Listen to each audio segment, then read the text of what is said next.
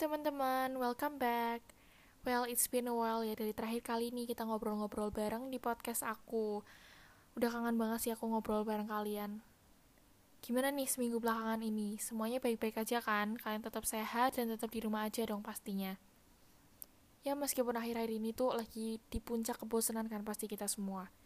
Aku juga sih, aku akhir-akhir ini juga lagi bosen banget dan aku tuh jadi nggak suka ngelakuin hal-hal yang dulunya aku suka gitu karena aku udah sering banget ngelakuin itu setiap hari kan. Terus sekarang tuh rasanya kayak udah lupa waktu dan lupa hari. Kayaknya semua hari sama aja nggak ada yang berubah ya kan? Well tapi setelah dipikir-pikir lagi sebenarnya pilihan untuk stay at home itu adalah pilihan terbaik loh teman-teman. Aku tahu sih di tengah pandemi kayak gini tuh pasti kita maunya jalan-jalan. Pengennya ketemu temen. Pengennya shopping di mall. Tapi kan nggak bisa karena ketika kita jalan-jalan untuk misalnya belanja di supermarket pun kan kita harus pakai masker harus jaga jarak sama orang lain. Dan rasanya itu kan gak enak banget kan kayak nggak bebas saja gitu. Nah sebenarnya satu-satunya cara supaya kita bisa kembali ke kehidupan normal kita adalah dengan cara stay at home atau di rumah aja teman-teman. Kayak itu udah pilihan terbaik gitu loh. Kita bisa cepet-cepet nih mengakhiri pandemi ini karena kita bisa meringankan beban pemerintah dan juga tenaga medis. Aku yakin kok teman-teman pintar-pintar dan bijaksana dalam bertindak dan bertutur kata, dan kita semua pasti bisa melewati masa-masa krisis ini dengan baik, oke? Okay? Oke teman-teman, jadi kali ini aku mau bahas lagi nih tentang isu yang minggu-minggu terakhir ini benar-benar viral dan muncul di mana-mana gitu. Kayak aku lihat Instagram keluar kasus ini, lihat YouTube keluar lagi, lihat misalnya browsing di Google ada lagi gitu. Dan ini tuh sama lah kayak kasusnya Ferdian waktu itu kayak lagi heboh banget lah. Dan kali ini tapi aku lebih spesial lagi nih karena aku nggak mau bahas satu kasus saja tapi combo tiga kasus langsung gitu. Ya sebenarnya ini ada hubungannya juga sih satu sama lain makanya aku jadiin satu di episode kali ini. Nah sebelum kita mulai aku mau sharing dikit nih teman-teman. Sebenarnya aku tuh nggak bikin podcast ini dengan konsep untuk bahas kasus-kasus kayak gini terus-terusan. Kayak yang tentang remar itu aku pikir tuh kayak ya udah deh sekali aja kan nggak apa-apa. Lain kali aku bakal bahas tentang pure education psychology gitu dari sudut pandang aku. Karena memang tujuan aku untuk bikin podcast ya untuk educating my audience gitu. Nah tapi ternyata semakin ke sini tuh aku semakin gregetan gitu ya kalau misalnya dengar ada kasus baru gitu karena kasus-kasus ini tuh bukannya mereda, tapi malah makin menjamur di society kita. Makin bikin orang-orang kayak aku itu pengen speak up gitu loh tentang ini. Nah, semakin ke sini aku juga semakin sadar kalau sebenarnya isu-isu ini tuh bukan cuma pelampiasan aja dari ketakutan dan ketidaknyamanan kita karena virus SARS-CoV-2 ini. Ya aku mikirnya kan karena kita harus menjalani gaya hidup baru yang mungkin jauh berbeda dengan kehidupan normal kita, kita bisa banget nih jadi scapegoating orang lain dan situasi saat ini karena merasa tertekan kan. Tapi ya sebenarnya itu cuma faktor pendukung aja setelah dipikir-pikir. Justru kalau kita buka mata, buka pikiran, dan buka hati nih ya, sebenarnya ya faktor utamanya karena mentalitas orang-orang kita aja yang masih rendah. Yang pinter banget nih yang namanya self-proclaim, tapi untuk sekedar introspeksi dan refleksi aja gengsi yang malahan nih saat ngelakuin kesalahan, solusinya tuh cuman victim blaming aja. Walaupun sebenarnya victim blaming itu hal yang wajar banget loh teman-teman. Kita pasti pernah kan yang namanya nyalahin orang lain atas kesalahan kita sendiri. Baik itu kita sadar maupun gak sadar ya kan. Apalagi di situasi kayak gini, kalau misalnya sekali dua kali, kita memang masih bisa lah kayak mau menyalahkan environmental challenges yang ada atau situasi yang ada. Tapi kalau udah terus-terusan ya jadi gak masuk akal aja gitu. Ibaratnya nih ya kalian pertama kali ketipu nih misalnya pas beli apa gitu di online shop. Terus pas ditanyain kenapa kok bisa ketipu sih kamu? gitu. Terus kalian jawabnya ya karena penjualnya tuh ngomongnya udah meyakinkan banget. Jadinya aku bisa terjebak. Terus aku juga nggak punya pengalaman gitu kan. Itu sebenarnya wajar-wajar aja dan sebenarnya masuk akal juga sih. Tapi ketika misalnya kalian ketipu lagi ya kalian nggak bisa mengatakan hal yang sama kalian nggak bisa menyalahkan environmental challenges atau si penjualnya itu terus gitu kalian harus bisa mempertanyakan diri kalian sendiri apakah mentalitasku cukup maju, cukup baik, cukup tinggi untuk bisa mengatasi masalah dan belajar dari kesalahan di masa lalu gitu. Kita harus bisa bersikap reflektif teman-teman, gak cuman bisa self proclaim tapi hasilnya nol. Nah makanya itu teman-teman aku tuh pengen banget deep talk sama kalian tentang masalah kali ini gitu. Karena aku yakin sih ini kayak suatu hal yang perlu kalian ketahui dan pelajari gitu.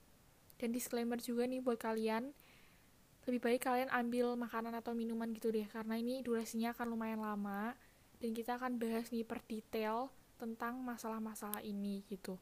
Langsung aja yuk kita mulai ke pembahasannya. Nah sekarang nih kita akan mulai dengan kasus dari YouTube. Nah, seperti yang kalian udah tahu, yang kita semua tahu juga, YouTube itu sekarang udah jadi platform dan industri yang gede banget. Di mana semua orang sekarang nonton YouTube dan main YouTube kan ya. Kita nggak cuma bisa nemu konten-konten positif aja, tapi juga ada banyak hal yang berbau negatif gitu ya. Yang kontroversial dan sensitif gitu.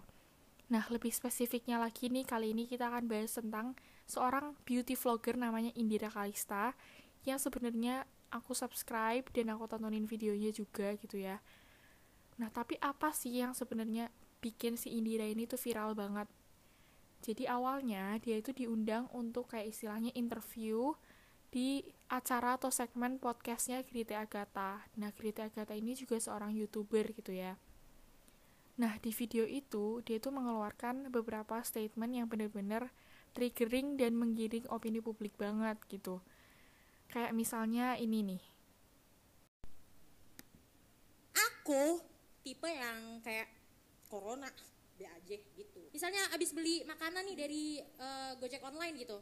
Aku nggak cuci tangan dulu baru makan. Jadi kayak ambil-ambil apa segala macam terus makan aja pakai tangan. Mau ada corona kek, ada demam berdarah kek, ada flu burung kek, ada apa kek, sehat tetap harus. Terus sekarang katanya lebih sering cuci tangan atau apa yang dilanjurkan. Kamu melakukan atau enggak? Enggak. Aku jarang pakai masker. Kalau sheet mask aku pakai setiap hari ya. Kalau masker yang udara-udara gitu aku nggak pakai kecuali memang kayak ditegur gitu ya kayak e, Bu bisa pakai maskernya pakai. Tapi kalau nggak ditegur kita lepas lagi. Ini napes sayang-sayang ditutup-tutup gitu loh ya. Sesek nih dada juga sesek ya. Terus Nah, itu sedikit cuplikan dari interviewnya Indira Kalista di channelnya Grita Agatha. Nah, sebenarnya kan video ini udah di take down kan, jadi aku nggak bisa dapat recording beberapa pernyataan lain yang juga sama kontroversialnya gitu. Karena kebetulan aku memang udah nonton videonya sebelum di take down pas masih full. Dan throughout the whole video aku mengakui kalau dia memang terlihat sangat meremehkan virus corona ini gitu. Terlihat lah dari gesturnya, nada bicaranya, ekspresinya, sampai pilihan kata-katanya gitu ya dan seketika ini jadi viral aku nggak heran sih karena memang apa yang dia omongin dan lakukan itu adalah sesuatu yang tidak tepat gitu Oke, seperti biasa nih ya, kita akan perdalam satu-satu statementnya dia. Yang pertama, yang sebenarnya nggak ada di cuplikan tadi, karena aku nggak berhasil dapetin filenya. Pokoknya sepemahaman aku ya, intinya dia itu bilang kalau penghasilan YouTube-nya nambah selama corona apalagi ini kan bulan Ramadan kan orang-orang pada punya banyak leisure time. Pada puasa dan kadang-kadang mereka juga ngabuburit tuh dan biasanya larinya kan ke YouTube. Sampai dia itu mengeluarkan statement yaitu corona alhamdulillah gitu ya. Mungkin karena dia hanya melihat dari sisi di mana penghasilannya bertambah gitu. Oke sebenarnya ya secara harfiah ini tuh nggak salah-salah amat loh. Nah kayak yang pernah dibilang Charles Robert Simons If you have a bad day, look at it as a good day and you'll never have a bad day again. Yang dengan kata lain ya kita harus ibaratnya see the good in all things. Kayak there's bad in good but there's good in bad too gitu.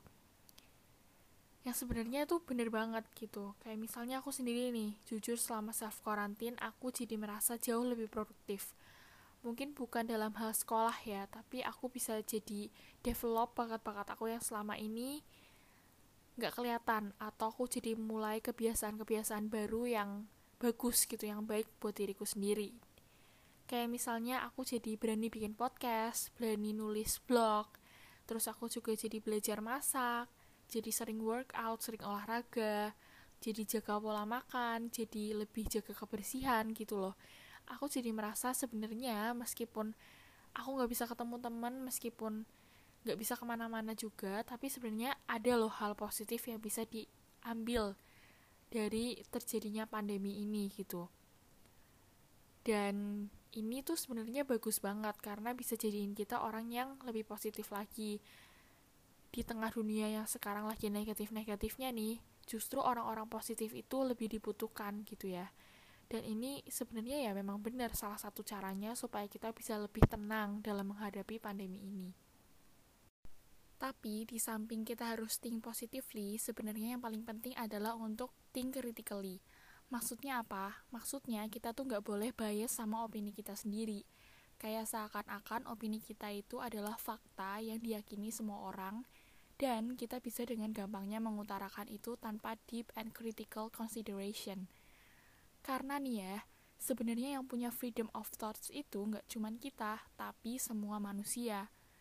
Dan ada kemungkinan besar banget kalau opini orang lain itu bakalan beda sama opini kita. Mungkin karena personal factors, atau memang ada kejadian dan pengalaman di masa lalu yang membentuk mindset itu, apa pun itulah gitu loh. Nah, maka dari itu kita juga harus mengerti bahwa ketika kita menggunakan suatu algoritma dengan dasar berupa embel-embel kemerdekaan kita dalam berpikir, itu nggak 100% menjamin that you will solve the problem well or make situations better. Nah, sebelum kita bahas dan menganalisis material lebih lanjut lagi, lebih baik kita tuh mengenal dulu nih apa itu critical thinking. Yang aku dapat dari The Stanford Encyclopedia of Philosophy, Critical thinking adalah the ability to think clearly and rationally about what to do or what to believe. Atau dalam bahasa Indonesia artinya kemampuan untuk berpikir dengan jelas dan rasional tentang apa yang kita lakukan dan apa yang kita percayai. Dan ini tuh termasuk kemampuan untuk terlibat dalam menggunakan pemikiran yang reflektif dan mandiri supaya kita bisa mengerti nih the logical connections between ideas Kayak misalnya tentang corona ini nih, kita harus bisa berpikir rasional saat kita mau identify, construct, atau evaluate arguments. Misalnya nih ya, kita-kita yang bisa work from home, yang bisa sekolah dari rumah, yang masih digaji full sama bosnya, yang makmur gitu ya karena penghasilan masih lancar, rezeki malah terus bertambah gitu. Yang masih di zona aman lah gitu intinya gimana ya kayak aku tadi kita jadi bisa develop bakat-bakat yang baru dan jadi lebih sering kumpul sama keluarga gitu kan tapi ketika misalnya kalian mau koar-koar karena hal-hal ini kalian harus sadar bahwa nggak semua orang di emotional, motivational, atau financial state yang sama sama kalian kayak misalnya nih tenaga medis mereka tuh bahkan gak punya waktu loh untuk sekedar berkumpul sama keluarga mereka karena mereka terlalu sibuk ngurusin pasien yang membludak. Terus orang-orang yang bangkrut atau di PHK, apa iya mereka akan punya waktu untuk leyeh-leyeh di sofa sambil nonton TV? Apa menurut kalian kebiasaan thinking positively itu bijak ketika kita bisa aja menyakiti atau menyinggung orang lain? Nah, kalian sadar nggak sih, untuk jawab pertanyaan itu pun susah kan kalau kita nggak bisa yang namanya berpikir kritis. Saking pentingnya nih, critical thinking itu termasuk dalam salah satu skill yang harus dimiliki di abad ke-21 ini, di samping creativity, collaboration, dan communication. Lagi-lagi, berpikir kritis itu sebenarnya jadi salah satu bentuk kontrol dari diri kita yang paling efektif. Di mana, kalau kita praktis critical thinking ini nih, kita jadi bisa avoid salah ngomong, salah langkah, dan masalah-masalah yang disebabkan oleh kedangkalan atau kelalaian kita. Sekarang kita balik lagi ke kasusnya Indira Kalista. Di sini aku mau bahas tentang hubungan antara critical thinking dengan seluk-beluk masalah ini. Kita semua kan tahu ya, apa yang dilakukan Indira ini itu memang salah dan tidak dewasa. Dan penyebab utamanya, seperti yang dia udah klarifikasiin di podcastnya Deddy Corbuzier, itu karena dia punya kebiasaan untuk ngomong dulu baru mikir gitu. Dan ini tuh bertentangan dengan kemampuan dan proses berpikir kritis yang seharusnya kita miliki. Di mana menurut John Dewey, seorang educational reformer yang sudah menganalisis hal ini dari lama, Critical thinking itu sebenarnya adalah proses yang pertama, identifikasi. Kedua, observasi. Ketiga, menganalisis. Keempat, mengevaluasi. Kelima, merefleksikan. Keenam, membentuk opini. Dan ketujuh, membuat keputusan atau decision making. Nah, as we can see, there's a lot of steps gitu loh yang sebenarnya masing-masing itu sangat kompleks untuk dimengerti dan apalagi dilakuin. Nah, sebelum kita forming opinion aja, kita harus melewati 5 step dulu yang susah sebenarnya kalau benar-benar dilakukan dengan sungguh-sungguh gitu ya. Nah, ini nih yang bikin ngomong dulu baru mikir itu sesuatu yang gak etis dan gak tepat. Karena meskipun mungkin maksudnya Indira itu gak seperti yang ditangkap masyarakat, yang membuat dia salah adalah karena dia nggak bisa mengobservasi what's in her mind. Apakah opini dia legible enough? Apakah hal yang dia lakukan itu benar? Sampai dia itu bisa aja loh nge-influence orang lain untuk melakukan hal itu. Sebenarnya kalau kita mau beropini, kita tuh nggak boleh loh semerta-merta jadi orang yang pasif yang cuma ngikutin kata hati kita aja. Tapi kita harus bisa jadi active learner, supaya kita bisa mendeteksi ketidakkonsistenan dan kesalahan umum dalam bernalar. Nah, jadi kalau misalnya kita udah bisa mendeteksi itu, kita juga bisa memikirkan segala kemungkinan adanya argumen dan ide-ide lain yang sebenarnya sama-sama valid. Karena nggak semua informasi itu bisa diproses dengan cara biner. Semua orang itu punya cara berpikir yang berbeda-beda. Nah, di sini bisa aku simpulin kalau kebijaksanaan kita dalam beropini itu adalah sesuatu yang sangat penting. Kayak yang dilakukan Indira ini, menurut aku itu adalah sesuatu yang sangat salah dan sangat tidak bijaksana. Berkaca lagi dari kasus ini, kita bisa lihat nih, kalau dari satu orang yang nggak bisa berpikir kritis aja, environment kita tuh bisa rusak loh. Karena masing-masing orang kan punya peran dalam hidup, apalagi di sisi sosial. Kalau orang yang salah mengartikan kemerdekaan dalam berpikir itu adalah orang yang pekerjaannya menyangkut banyak orang, misalnya kayak presiden, menteri, ketua RT, atau lagi yang berpengaruh banget nih, apalagi buat milenial kan sosial media ya. Misalnya influencer atau youtuber gitu ya. Otomatis pemikiran itu akan berpengaruh besar ke orang-orang yang ngeliat atau yang berinteraksi sama dia. Bahkan followers-followers atau rakyat mereka itu bisa aja loh sampai ngikutin apa yang mereka lakuin tanpa ngeliat apakah hal itu positif atau negatif. Misalnya nih ya, pas Indira ngomong kalau dia nggak pernah cuci tangan, nggak pernah pakai masker, secara nggak langsung kan dia memberi pengaruh negatif ke orang-orang yang nonton videonya untuk juga ikut-ikutan nggak peduli sama protokol kesehatan yang ada. Apalagi dia ini seorang youtuber dengan subscriber yang udah lebih dari satu juta dan dia pun juga udah punya fanbase sendiri.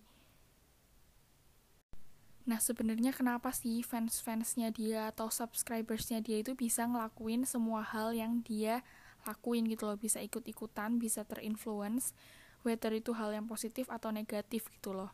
Nah sebenarnya ada tiga faktor yang mendasari hal ini. Yang pertama itu adalah sikap fanatisme. Kita semua tahu lah ya kadang-kadang ketika kita suka sama seseorang atau kita suka sama sesuatu kita jadi dibutakan oleh rasa suka itu.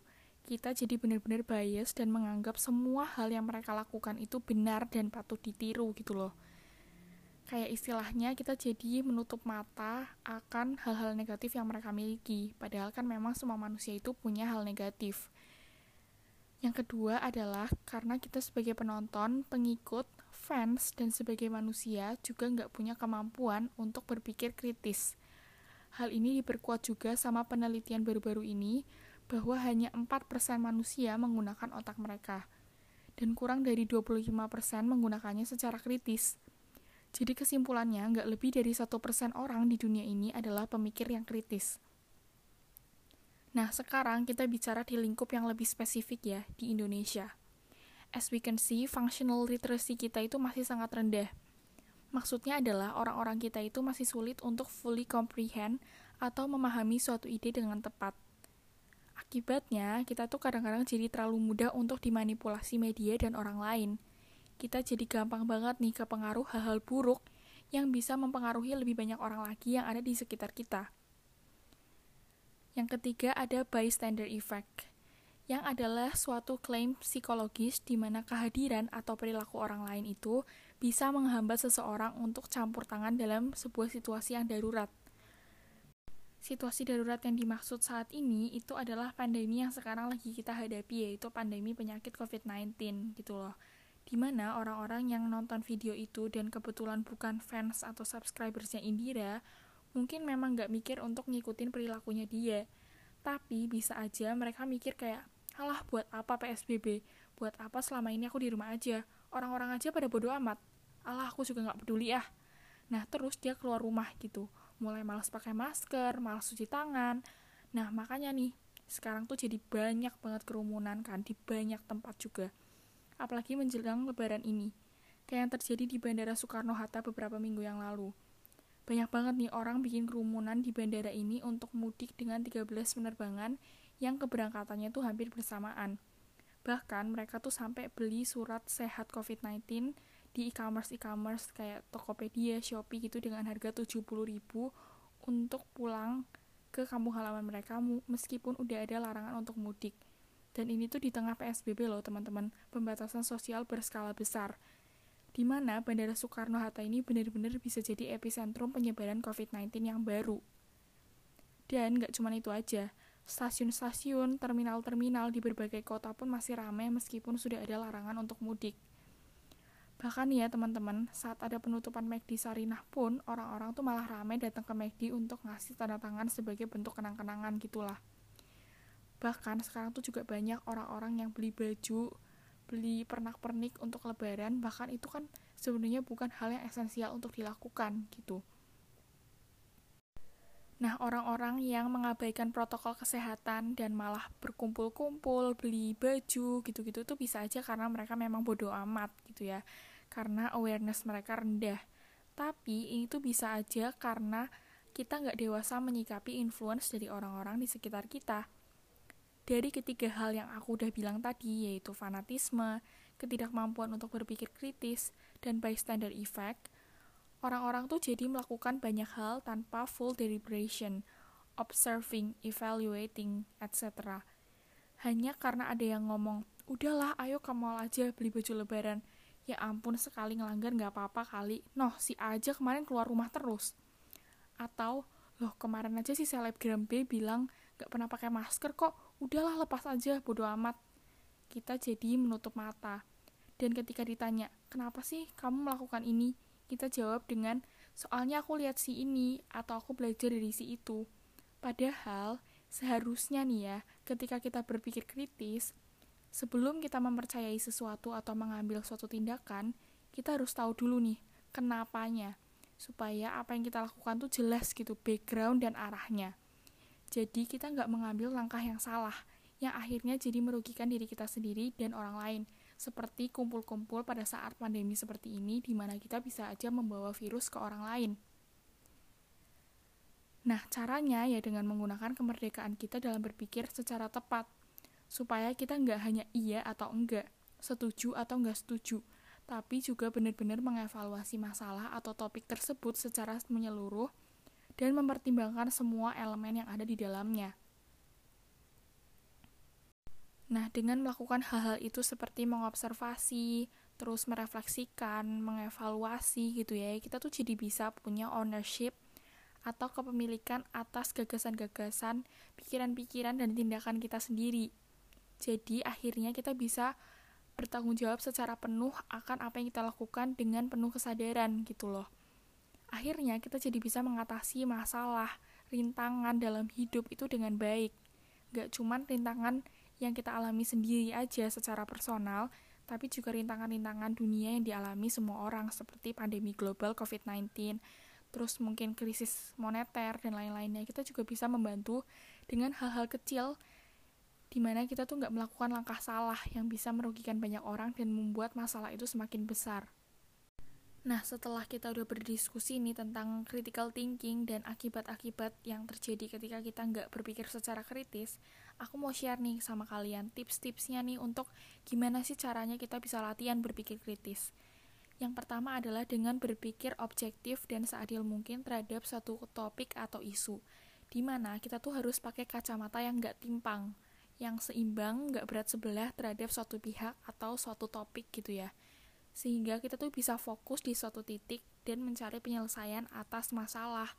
Atau misalnya eh, narasi-narasi yang kontroversial yang sensitif gitu mencari solusi dan jalan tengah itu dengan baik dengan tepat sesuai dengan tempatnya. Terus yang kedua adalah kita juga harus bisa menganalisa faktor yang terlibat. Faktor-faktor lain yang misalnya personal yang harusnya nggak kita jadikan sebagai patokan dalam mengevaluasi um, merefleksikan terus mengobservasi masalah gitu loh. Kita juga harus bisa berpikir nih mana faktor subjektif mana faktor objektif dan mana yang harus kita pilih untuk kita jadikan patokan dalam memandang suatu isu. Dan yang ketiga adalah bahwa kita harus sadar atas kemungkinan adanya bias. Kita harus sadar di mana ketika kita menyukai seseorang, kita tuh mungkin banget loh membenarkan semua hal yang dilakukan meskipun itu adalah hal yang salah. Kita lebih bisa lebih aware atas perasaan kita sendiri supaya nantinya kita tuh juga lebih pintar dalam mengidentifikasi argumen atau point of view lain yang berkaitan dengan isu tersebut.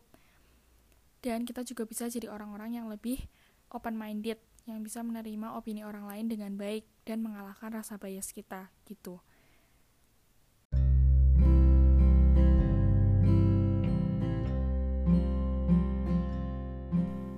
Segitu aja teman-teman podcast hari ini. Aku harap ini bisa ngasih pengetahuan dan ilmu lebih ke kalian, apalagi soal critical thinking. Karena sebenarnya di podcast ini aku juga nggak fokus ke masalah yang ditimbulkan Indira aja, tapi aku juga membahas nih gimana kita harusnya sebagai penonton, sebagai masyarakat Indonesia dan masyarakat dunia, sebagai manusia juga, di mana kita harus bisa bersikap rasional dan lebih kritis lagi dalam memandang masalah-masalah, isu-isu, narasi-narasi gitu ya teman-teman. Semoga habis ini kita jadi orang-orang yang lebih dewasa lagi dalam berpikir, dalam menggunakan kemerdekaan kita dalam berpikir. Oke, semoga kalian suka dengan podcast hari ini. Dan see you on my next podcast. Bye bye. Have a nice weekend. thank you